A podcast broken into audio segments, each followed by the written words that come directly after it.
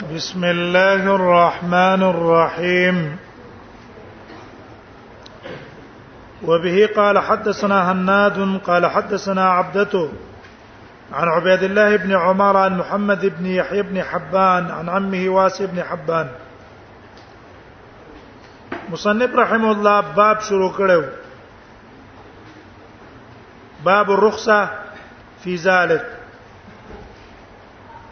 چې بیت الخلات په ټیم کې دا د سماعتي په ټیم کې کبه بیت الخلا کې دن نه وي یا بار وی نو استاد پار استقبال او استدبار جایز ده اول کې احادیث د نه غیر راوړي اوس مصنف مخکې دوه حدیثونه بیان کړو اوس درې حدیث بیانې د عبد الله ابن عمر چې دا روایت تاسو ابو داود کې مو یو ابن عمر وايي رقيت يوما على بيت حفصه التمنګ ویلو کله نسبت حفصه ته کوي کله خپل ځان ته کوي کله نبی صلی الله علیه وسلم ته کوي تطبیق یې من کړو فرایت النبی صلی الله علیه وسلم علی حاجته رؤیت من ویلو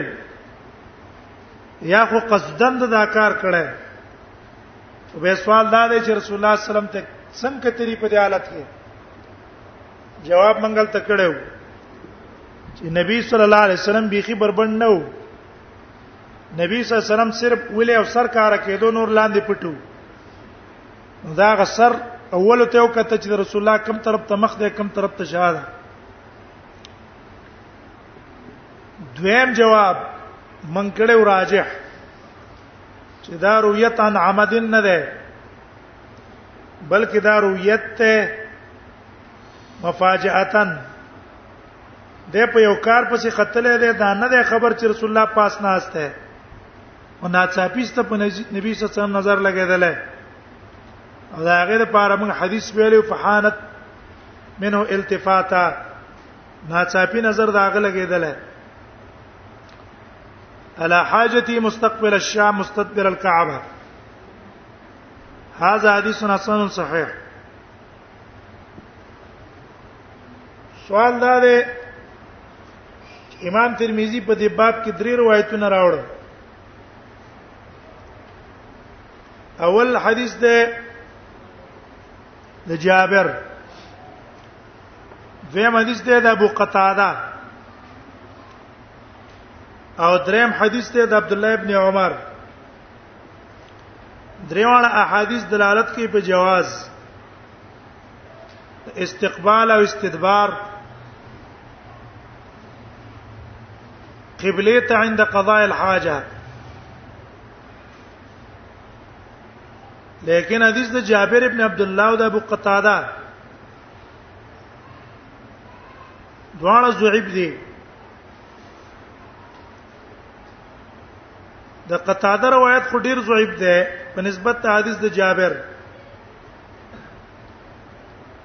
وجدار چې حدیث د قتاده کې خپل مصنف ویل خپل به کې ویل چې پاس روایت د ابو قتاده کې ابن لهيعه ده تکوا او دې بل روایت کې ابن لهيعه ده فقد رواز الحديث ابن لهيعه انا بالزبير عن جابر انا ابي قتاده ان ورا النبي صلى الله عليه وسلم پکې داش اور چې حدیث د جابر د مجاهد ان جابر نو پکې محمد ابن اسحاق او تفرد به کړو او د ابن قیم خبره من کړې و چې را تفرد ابن قیم د د د حدیث ځان له احکامو کې په استدلال نه نیول کیږي خاص کر چې بیا مسله سوي متنازع فيه او پاغي کې د تفرد کو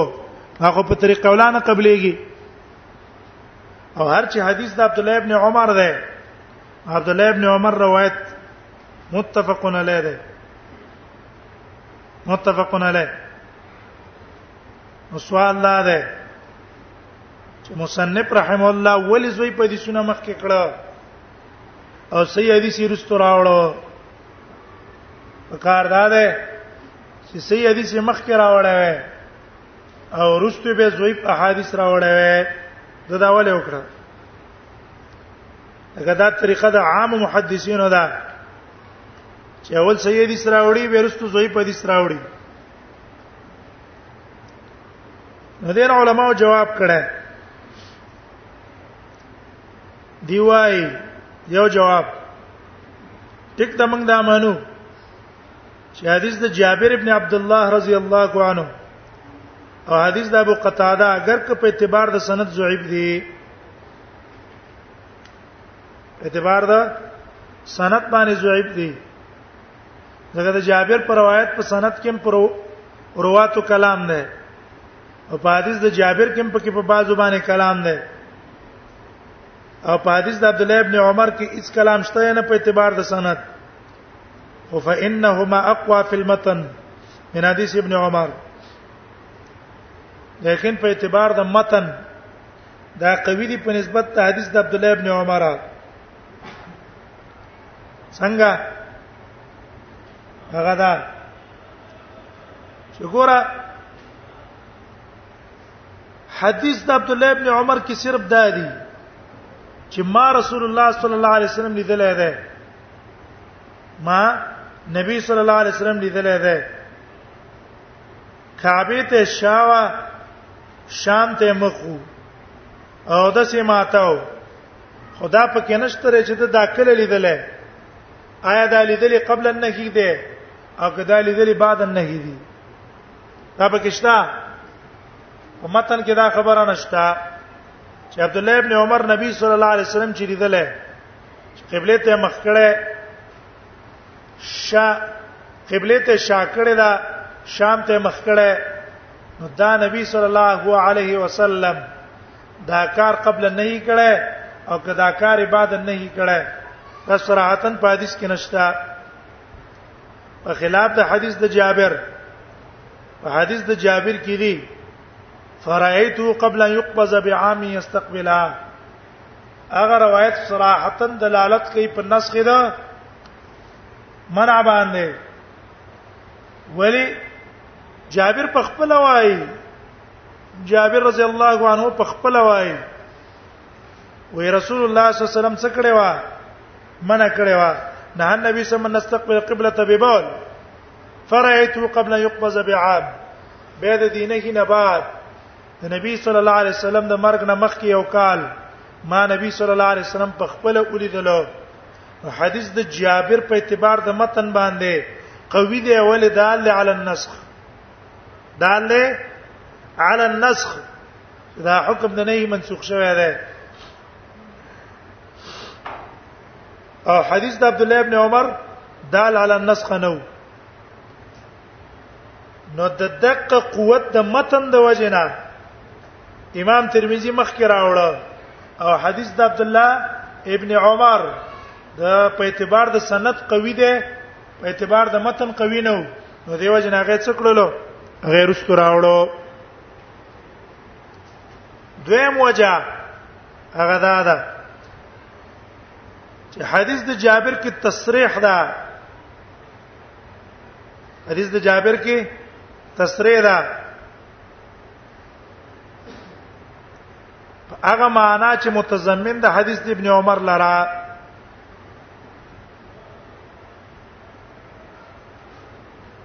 څنګه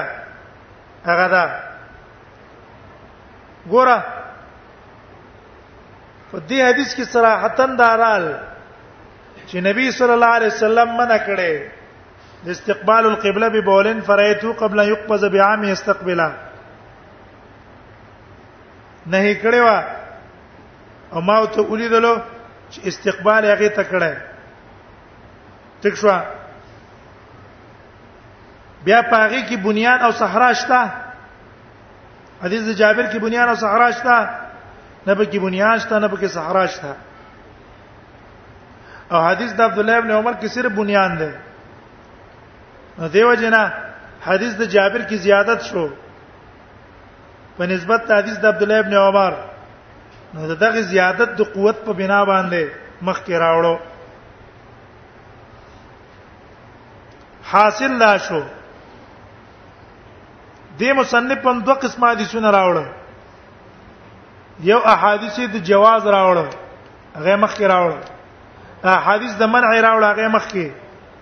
او احادیث د جواز رښتو راوړل مذاهب موږ بیان کړو سره ترجیح نه لیکن راجح قول دا ده سړی به وخت د دسماتي کې قبله ته نه مخکې نه بشا کوي مطلقاً لا فی البنیان ولا فی الصحراء په بیت الخلا کې دنه او د سماته او په بیابان کې او د سماته په یو صورت کې هم نه مخکې نه بشا کوي او دا مذهب موږ ول ترجیح ور کړی و وجه ترجیح دا و چې ګوره احادیث د نهي دا قولی دي او احادیث د جابر او د ابن عمر فعلی دي او قاعده من دا ویلې و چې کله تعارض راشي په مابین د قول او فعل کې ترجیح ومن چاله ورکو ترجیح ومن قول لور کو په فعل باندې وجدا دا چې قول قاعده عام قاعده عامه ده یو قاعده کلیه ده د پاره د امت قاعده کلیه ده د پاره د امت او فعل کې احتمال د تخصیص شته اگر کوم ته په دواړه کې تاسیب پکار ده لقد کان لکم فی رسول الله اسوه حسنه نبی صلی الله علیه وسلم د پاره موږ له اقتدا پکار ده نبی صلی الله افعال اقتدا بم کو او د نبی صلی الله علیه وسلم د اقوال اقتدا بم کو لیکن چې کله تعارض راغی د قول او د فعل نو سبق کو تعارض راغی د قول او د فعل قول دلالت کوي په حرمت فعل دلالت کوي په جواز او تعارض راغی عند التعارض موږ به قول مقدم کوو په فعل ترجیح باغې لور کوو ځکه قاعده عامه ده قاعده عامه ده او ترجیح موږ قول لزکه دلته ور کړه او فعل لم ورنه کړه وجدا د چې فعل نبی صلی الله علیه وسلم کړه ده په پټه کارانه ده کړه دوی مرستو رسول الله صلی الله علیه وسلم په دې فعل پسې بیان نه دی کړی ګوره دا ما چې کوم عمل کو دا د ټول امت لپاره شرع ده او د ټول لپاره مشروع ده دیو ځاګه لم ترجیح ورکړه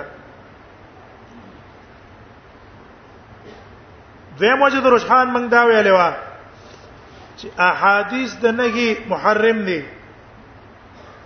محرم دي او احادیث د جابر معنا احادیث د رخصت مبیح دي احادیث د نهي محرم او احادیث د جواز مبیح او قاعده دا ده چې کله تعارض راشي په مابین د مبیح او محرم کې نو موږ ترجیح ورکو چا لرا محرم لبه ترجیح ورکو ځکه پاره کې احتیاط ته احتیاط دا قاعده ده کنه چې عمل متعارض شي ما بین د سنت او بدعت کې سنت او بدعت کې یو روایتونه معلومی کی چې دا بدعت ته بعض نه معلومی کی سنت ته نو ترجیح مونږ چاله ورکو ترک لا ترک لا چې بدعت پک نه ونی شي نو ترجیح محرم لور کو دلیل په په دې قاعده که تاسو یو چې په دې دلیل څه ده چې موږ به ترجیح محرم لا ورکو دلیل په حدیث ته مشکات کوم تاسو ویل ده کتاب السید کې یو صحابي د نبی صلی الله علیه وسلم ته پوښتنه کړلو وې وان اکل فلا تاكله تا یو سپه ولېګلو ښکار پسې دې سپی د ښکار نه خوراک وکړو او رستوی به تعالی رستو ښکار راوړو او مړ کړو اوس به دا نه خوري ابا نه خوري ولی فإني أخاف أن يكون إنما أمسك لنفسه ویا سینا چې دا افکار د ځان د پاره نیولې د منډه چې کړه دا کنه د خپل غرض د پاره په منډه کړه دا اوس خې په ځان موړ کو وسی چې ته پاتې شو تعالی راوړو نو نه به خورې او چې کله ته د خوراک نه کړه او تعالی روغ راوړو نو د تعالی نیولې اوس ته ځان له خورا او چې څه غوخه دا غته مور کجې په موړ شي وګوره نو خوراک تکړه نه به خوري ولی د مبيح او د محرم منځ کې تعارض راغی غیلا ترجیح رااله بل وجه موږ څه ویلې و علت ویلې وکنه چې علت اصل کې احترام د کعبه دی دا علت شامل دی چاته شامل دی بنیان هم او صحرا ته هم دیو جن موږ هغه له ترجیح ور کړې و هغه لم ترجیح ور کړه دیو جن هغه قول راجح شو عدم استقبال استدبار احادیث نه چې کومه مسلې وي هغه موږ ابو داود کی تر استلوا باب النهي عن البول قائما اس مصنف رحم الله بل باب قائمه د آداب الاستنجاء چې په ولاړه باندې امتیازي کول څنګه دی ولاړه باندې امتیازي نو دا مسله اختلافي و دیو جنا امام ترمذی رحمه الله اول باب د نه کی راوړي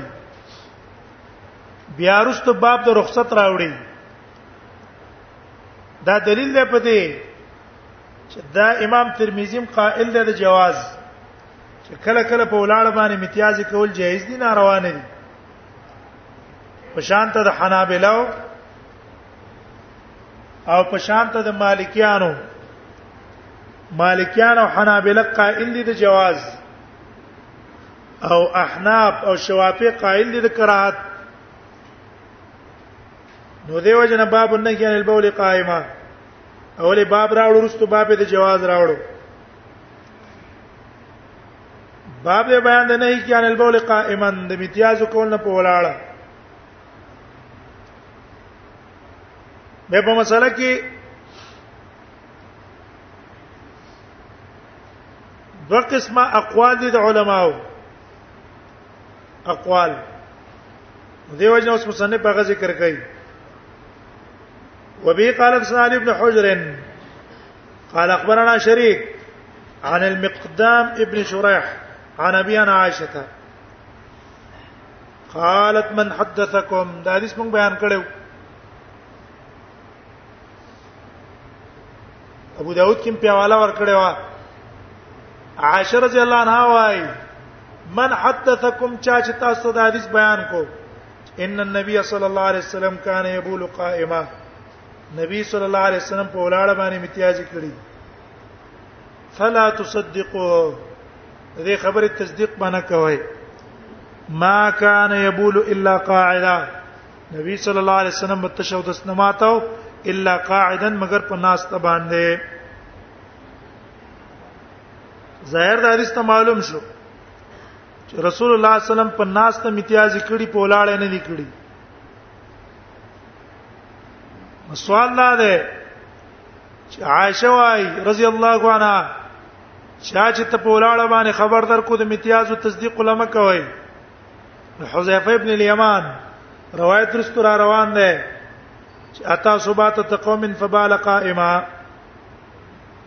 ولاړ ګورغه امتیازي کړی دی صحابي ده غلی دل ده ظاهر کې د دوه روایتونو منځ کې تعارض ده ظاهر کې دوه روایتونو تعارض ده دې جواب دا ده چې حدیث د عائشه رضی الله عنها محمول له په عام عام عادت او په عام طریقې چې د نبی صلی الله علیه وسلم اکثره طریقه او اغلبي طریقه غداوه نبی صلی الله علیه وسلم په ولاړ باندې امتیاز نه کولې په ناس ته وکولې او حذیفه رضی الله عنه داغه طریقې بیان کړه کله کله کله کله نبی صلی الله علیه وسلم په ولاړه امتیازي کړی دي از دوه حدیث منځ کې منافات نشته عائشه رضی الله عنها نفي د عادت کوي چې څوک تا ته دا وایي چې د رسول الله صلی الله علیه وسلم عادت طریقه دا و چې په ولاړه به امتیاز کولې دي تصدیق باندې کوي اکثر چې نبی سلام امتیاز کړی پناسته کړی دویم جواب دا ده چې عائشه رضی الله عنها چې دا نه فکر ده دې نه فی استناد ته ال علمها ما وقع من النبي صلی الله علیه وسلم فی البيوت عائشه رضی الله عنها د خپل خپل علم مطابق وایي نبی صلی الله علیه وسلم په کور کې چې امتیاز کړي پناسته کړي په ولاړ نه دي کړي او حذیفه ابن الیمان بار لیدل دی او کم یو تن چې یو عمل لیدلې من را او سمع حجه چا چې لیدل وکړه یا خبره واوریدا هغه حجت ته په هغه چا چې هغه لیدل نه وکړي او ریدل نه وکړي دا د دوه روایت منځ کې تطبیق شو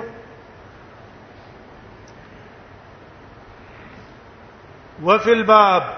عن عمر وبريده په دې باب کې د عمر بن خطاب نم روایت نقل لای د بریده نم نقل لای د عمر رضی الله روایت ابن ماجه راوړی او به حکیم راوړی چې یا عمر لا تبل قائمه عمر په ولاړه باندې به امتیاز نه کې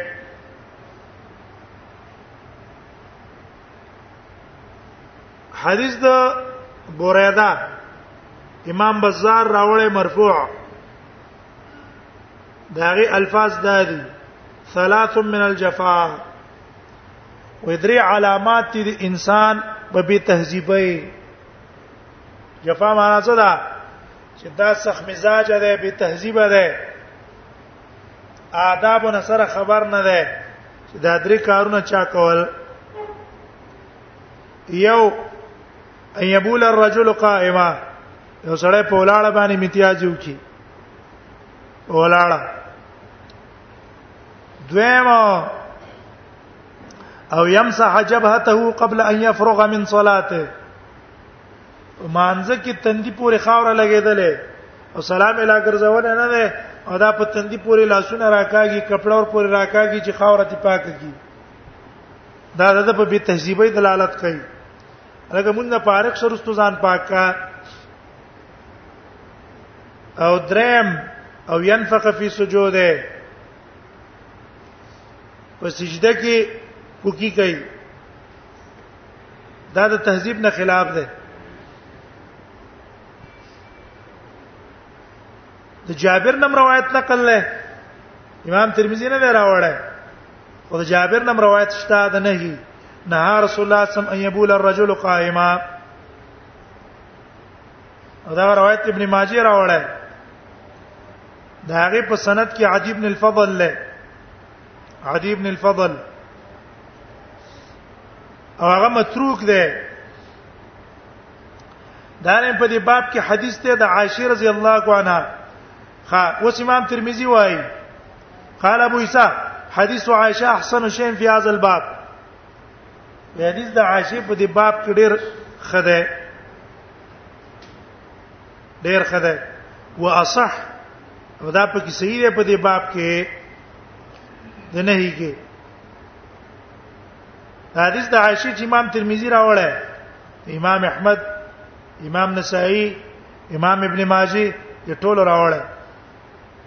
او په سند کې شریک ابن عبد الله النخعی دی د په سند کې ده او دا شریک ابن عبد الله النخعي شریک ابن عبد الله النخعي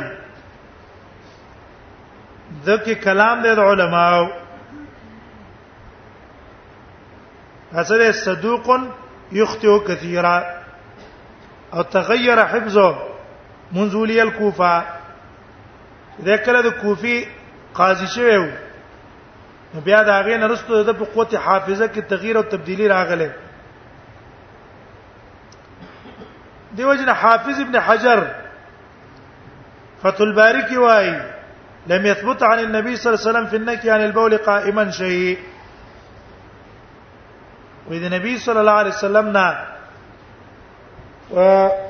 بول قائما کې نه سره ثابت نه ده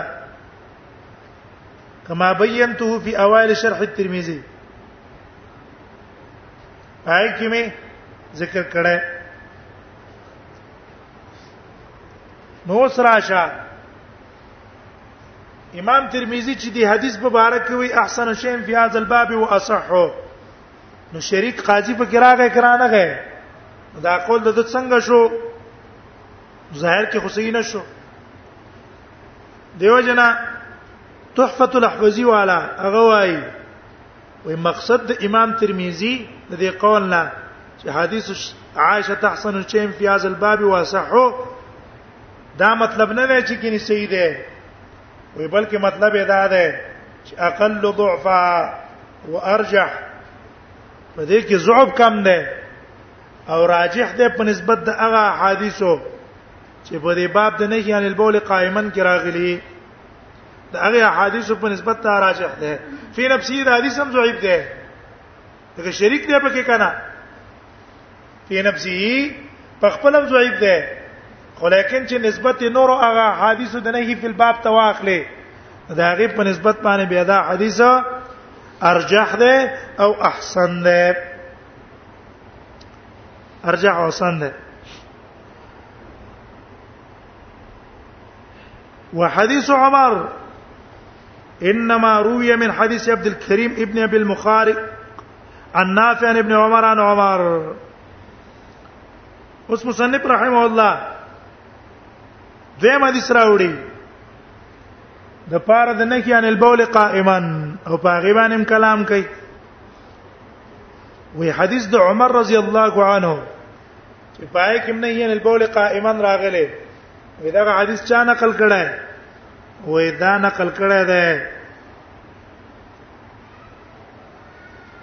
انما رویا دا روایت کړه شوې ده من حدیث عبد الکریم ابن ابي المخارق عن نافع عن ابن عمر عن عمر عمر نا قال رآن النبي صلی الله علیه وسلم ابول قائما اذا نبی سلام اريد لما ما په ولاړ باندې امتیاز کوله فقال نبی سلام راتویل یا عمر لا تبل قائما په ولاړ امتیاز مکوا فما بلت قائما بعد دا غین رستو بیا ما په ولاړ امتیاز نه دی کړی غره د حدیث کې معنا ده دا حدیث ابن ماجه مې بهقیم په دې سند راوړی اوس امام ترمذی په دې حدیث هم کلام کوي چې دا حدیث ضعیف دی حدیث ضعیف دی وانما رفع هذا الحديث واذا اصل کې موقوف دی په ابن عمر او چې نبی سلام ته مرفوع کړی چې رسول الله د تویل چې لا تبل قائمه اصل عمر یو تن منع کړی چې په ولاړه امتیاز مکوا خو د غره لګیدل دی ابن ابي عبد الكريم ابن ابي المخارق هغه دا مرفوع کړی دی رسول الله صلی الله علیه وسلم ته چې رسول الله صلی الله علیه وسلم څوک کړو نبی صلی الله علیه وسلم عمر ته ویلي دی دی وای وانما رفع هذا الحديث اذا حدیث مرفوع کړی دی عبد الكريم ابن ابي المخارق وهو ضعيف عند الحديث ادا د محدثینو په نسبت باندې ضعیف دی ضعیف ده ضعف او ایوب سختیانی ایوب سختیانی متضعیف ویلای وتكلم فيه كلام پکې کړه ده ابن حجر رحمه الله هذه الصاري چې مقدمه ده فتح الباري باغي کې وایي عبد الكريم ابن ابي المخارق ابو اميه البصري نزيل مکه متروك عند ائمه الحديث متروك عند ائمه الحديث د ټول محدثینو په نسبت باندې دا متروک دی نو دیو جن ظرف صحیح نشوا رفع صحیح نشوا اوس مصنف وای چې ابو ایوب متزوی پیاله ونور علماء متزوی پیاله ابو ابن په غیر هم وتکلم فی امام نسائی وای امام دار قطنی وای متروکن امام نسائی امام دار قطنی وای متروک ده سعدی وای کان غیر ثقه ثقه نو امام نسائی په بل ځای کې وای قال ابن حبان كان كثير الوهم فاحش الخطأ وې دې ډېر وهم والاو فاحش الخطا خارا خطای به کوله هر یو تن بده په خطای پر روایت کې پویدو چې دلته خطا ده فلما كثر ذلك منه بطل نو بطل الاحتجاج به نو چې کله دا خطایانه در ډېر شوي او زده پر روایت باندې دلیل نیول باطل دی دا پر روایت به دلیل نه نیسي چې په کوم روایت د تفرد کړي او بل چانه نقل کړي دا روایت د تفرد نه ده صحیح نه ده خطا ده نو دې علما په کلام کړي دارنګي امام ابو داود خلیلی اغیم روایت د د مبارکي قول کړي چې ما روا مالک ان عظف منه امام مالک چې څونه استادان دي په دې ټولو استادانو کې د بالمخارق عمر زعيب شته دی نه ابن عبد البر وايي مجمع على على ضعفه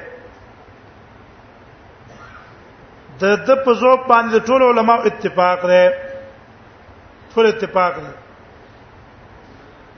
اوس دا وای چې وروا عبید الله عن نافع ابن عمر عبید الله را لګیدل دی هغه چې د نافع نه روایت نقل کړه نافع نه هغه د ابن عمر نه پای کې د شي دي چې عمر وای ما بلت قائما مزسلم تو ما چې کله په اسلام کې زه داخل شوم ما دخول فی الاسلام نه بعد ما په ولاړه امتیاز نه دی کړی غره عبید الله د نافع شاګرد دی او عبد الکریم ابن ابي المخارق هم د نافع شاګرد دی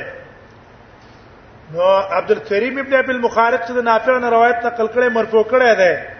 او عبید الله چې ثقه ده هغه موقوف کړی دی په عمر چې عمر وایي چې په اسلام کې داخل شوی ما په ولاړه امتیازي نه دی کړی دیوژن امام ترمذی وایي وهذا اصح من حديث عبد الكريم او دا سید د حدیث د عبد الکریم نه سید علی چې دا موقوف ته په عمر مرفوع نه ده بیا ګوره دې روایت کې دي چې عمر په ولاړه امتیاز نه دی کړی لیکن حافظ ابن حجر فتح الباری کې د امام ترمذی ته د قول مخالف قول کړه هغه په فتح الباری کې وایي قد ثبت عن عمر وعلي وزيد بن ثابت وغيرهم انهم بالو قياما عمر نه د علي نه د زید بن ثابت نه او د نور صحابو نه دا ثابت دي چې هغه په لاړه باندې امتیاز کړي ګوراغه دغه څه قول نقل کو او امام ترمذی د دا بل قول نقل کو چې ما بلتو قائما مزسلم تو وحديث بريده هذا غير محفوظ او حدیث د بريده په دې کې غیر محفوظ دی اوس دا بل روایت ته د بوریدا د بوریدا وې اغم نقل له د نبی صلی الله علیه وسلم نه چې پاغي کوم دي چې رسول الله صلی الله علیه وسلم په ولاړه باندې امتیازونه منع کړي حدیث د بوریدا کم نه هغه عیني سی براوړی عیني عینی په سند باندې راوړی چې عن بوریدا عن ابي عن عبد الله ابن بوریدا عن ابي ان رسول الله صلی الله علیه وسلم قال نبی صلی الله علیه وسلم فرمای ان من الجفا ان يبول الرجل قائما په ولاړه باندې امتیاز کول دا علامه ده د انسان د بی تهذیبه دا به تهذیب ده بیا عینی سے برا لګیدل عمدۃ القاری کی چې شرح د بخاری دا هغه په امام ترمذی باندې کلام خبره باندې کلام کړه او امام ترمذی چې دا کم خبره کړي وی فيه نظر نو دا په خبره کې نظر ده چې دی وی حدیث بریده فی هذا غیر محفوظ نه محفوظ نه ده او د عینی صاحب غرض پاکې څه ده وې دا حدیث په بازار په اخرجو بسند صحیح وې بازار په سي سند باندې راوړل او غرض د عمدۃ القاری والا غدا ده چې شون کې د احناف په نسبت باندې په ولاړ باندې امتیاز مکروه دي نو دا حدیث د بوریده سي ثابتای دینه کراهت معلوم کی او امام ترمذی راولګی دو چې څونه احادیث د نه کې دی هغه زویب کړه احادیث د نه ثابت نشو حدیث د حذیفه په مقابل کې صحیح روایت ده دا غي نه معلوم شولو جواز معلوم شولو مونږ وایو دارنګ مبارک پوری سے بم وایي ور امام ترمذی من ائمه هذا الشان من ائمه هذا الشان دا ور امام د جرح او د تعدیل هغه چې روایت مبارک کی وی چې غیر محفوظ نو هغه به صحیح دا قول به صحیح وجه دا ده وجه دا ده ګوره اگر که بازار دا حدیث راوړی دی به سند ظاهر و صحه کله کله ته یو حدیث سند ظاهر کې صحیح لیکن متن غیر محفوظی ډیر کړه دغه څه کیږي کنه دی حدیث سند څه وی ظاهری لیکن متنی غیر محفوظی ډېر کړ دې د قصې کیږي لکه مثلا حدیث د عبد الله بن مسعود کې عدم در رفع الیدین ناغله الته علما وایي چې دا غیر محفوظ دی چې باول ځل لاس پورته کړو بیا ونه کړو نو سند ظاهر کې ټیک ته غمتنا غیر محفوظ دی یا به تب لاس پراشي لاس په کوم ځای بګره د یو روایت ته د ابن ابي شيبه سند بالکل صحیح ده چې رسول الله صلی الله علیه وسلم خیلاس په چپ لاس کې خوستو تحت سرته لیکن التا ومنګ دا ثابت کو چې صحیح ده دا چې دا تحت سره لفظ غیر محفوظ ده متن صحیح دا لفظ غیر محفوظ او د عدم محفوظیت لپاره به وجه موږ بیان کو ان شاء الله کومړه نو ژوند دیو نو دا امام د شان نو غیر محفوظ وي اوس امام ترمذی وایي ومعنى نهي عن البول قائما على التاديب لا على التحريم وای دا کوم حدیث کې چې من راغله نو مصنف رحم الله را لګي چې کم احادیث د منع ده او کم احادیث د جواز دي د دوه مس کې تطبیق کوي تطبیق تطبیق وی احادیث د نه کې عن البول قائما دا محمول دی علی التادیب لا علی التحریم ادب تعالی چې ته پناست باندې امتیاز وکي ځکه دې کې ساج کو نه سړی بچ کیږي ساج کو نه په ناس ته باندې امتیاز وکول کی اسانتیا ډیره پوره پراغت راځي په نسبت د ولاړ نو هغه حدیث محمول له په څبانه علی التادیب احادیث د نهي محمول له په تادیب د ادب نه خلاف دي او حرام نه دي او احادیث د فعل محمول له بجواز چې دا غي کول جایز دي دښوا دا کله چې دواړه احادیث صحیح شي لیکن کده سینه کې دویمه تطبیق دا ده چې احادیث د جواز سند قوی ده او احادیث د منې کمزوري دي او د ضعیف روایت او د صحیح روایت باندې کې څه نه وي تعارض نه وي تعارض پای کې نه وي ومان النهي عن البول قائما على التاديب لا على التحريم وقد روي عن عبد الله ابن مسعود ودا عبد الله ابن مسعود نه دا نقل شوی دی ان من الجفاء ان تبول وانت قائم ودا دلالت کوي د انسان په جفا باندې ان تبول قا وانت قائم چې ته په ولاړ باندې متیازیو کې جفا خپل معنا څه ده جفا بالمت ظلم ته وای دلته جفا معنا څه ده ترک البلا وسلا وغلظ التبع دا معنا ده اے د انسان د سخوالي د طبيعت نه او سخوالي د طبيعت معنا څه ده چې سړی به تعلیم او به تعذيب غړ شي کنه اے یو تن نه نه مدرسه کې سبق ویو نه چرته سکول کې تعلیم وکاو او دقه سي غړ شي دا هیڅ د آداب نه خبر نه دا نه پیژني چې لکه دا سړی عالم دی د قدر په کار دی د احترام په کار دی د د نوم په عزت غستل په کار دی د څه په مجلس کې غلي کې ناستل په کاری نو سړی چې تعلیم یې کړی کنه دینی یا دنیوي هغه چې انسان سره ملاوي کې دغه احترام لحاظ ساتي او چې سړی به تهذیب وي سره پروا د دې ساتي نه دا تجربه ده باندو کې سړی د قصې غړ شوی هغه د څل لحاظ نه ساتي لحاظ نه ساتي هغه د عالم دی مشر دی احترام دی دا جفا ده کنه دیو جن وطن وای ابد عالم نوم بس به احترامي باندې واخلي به احترامي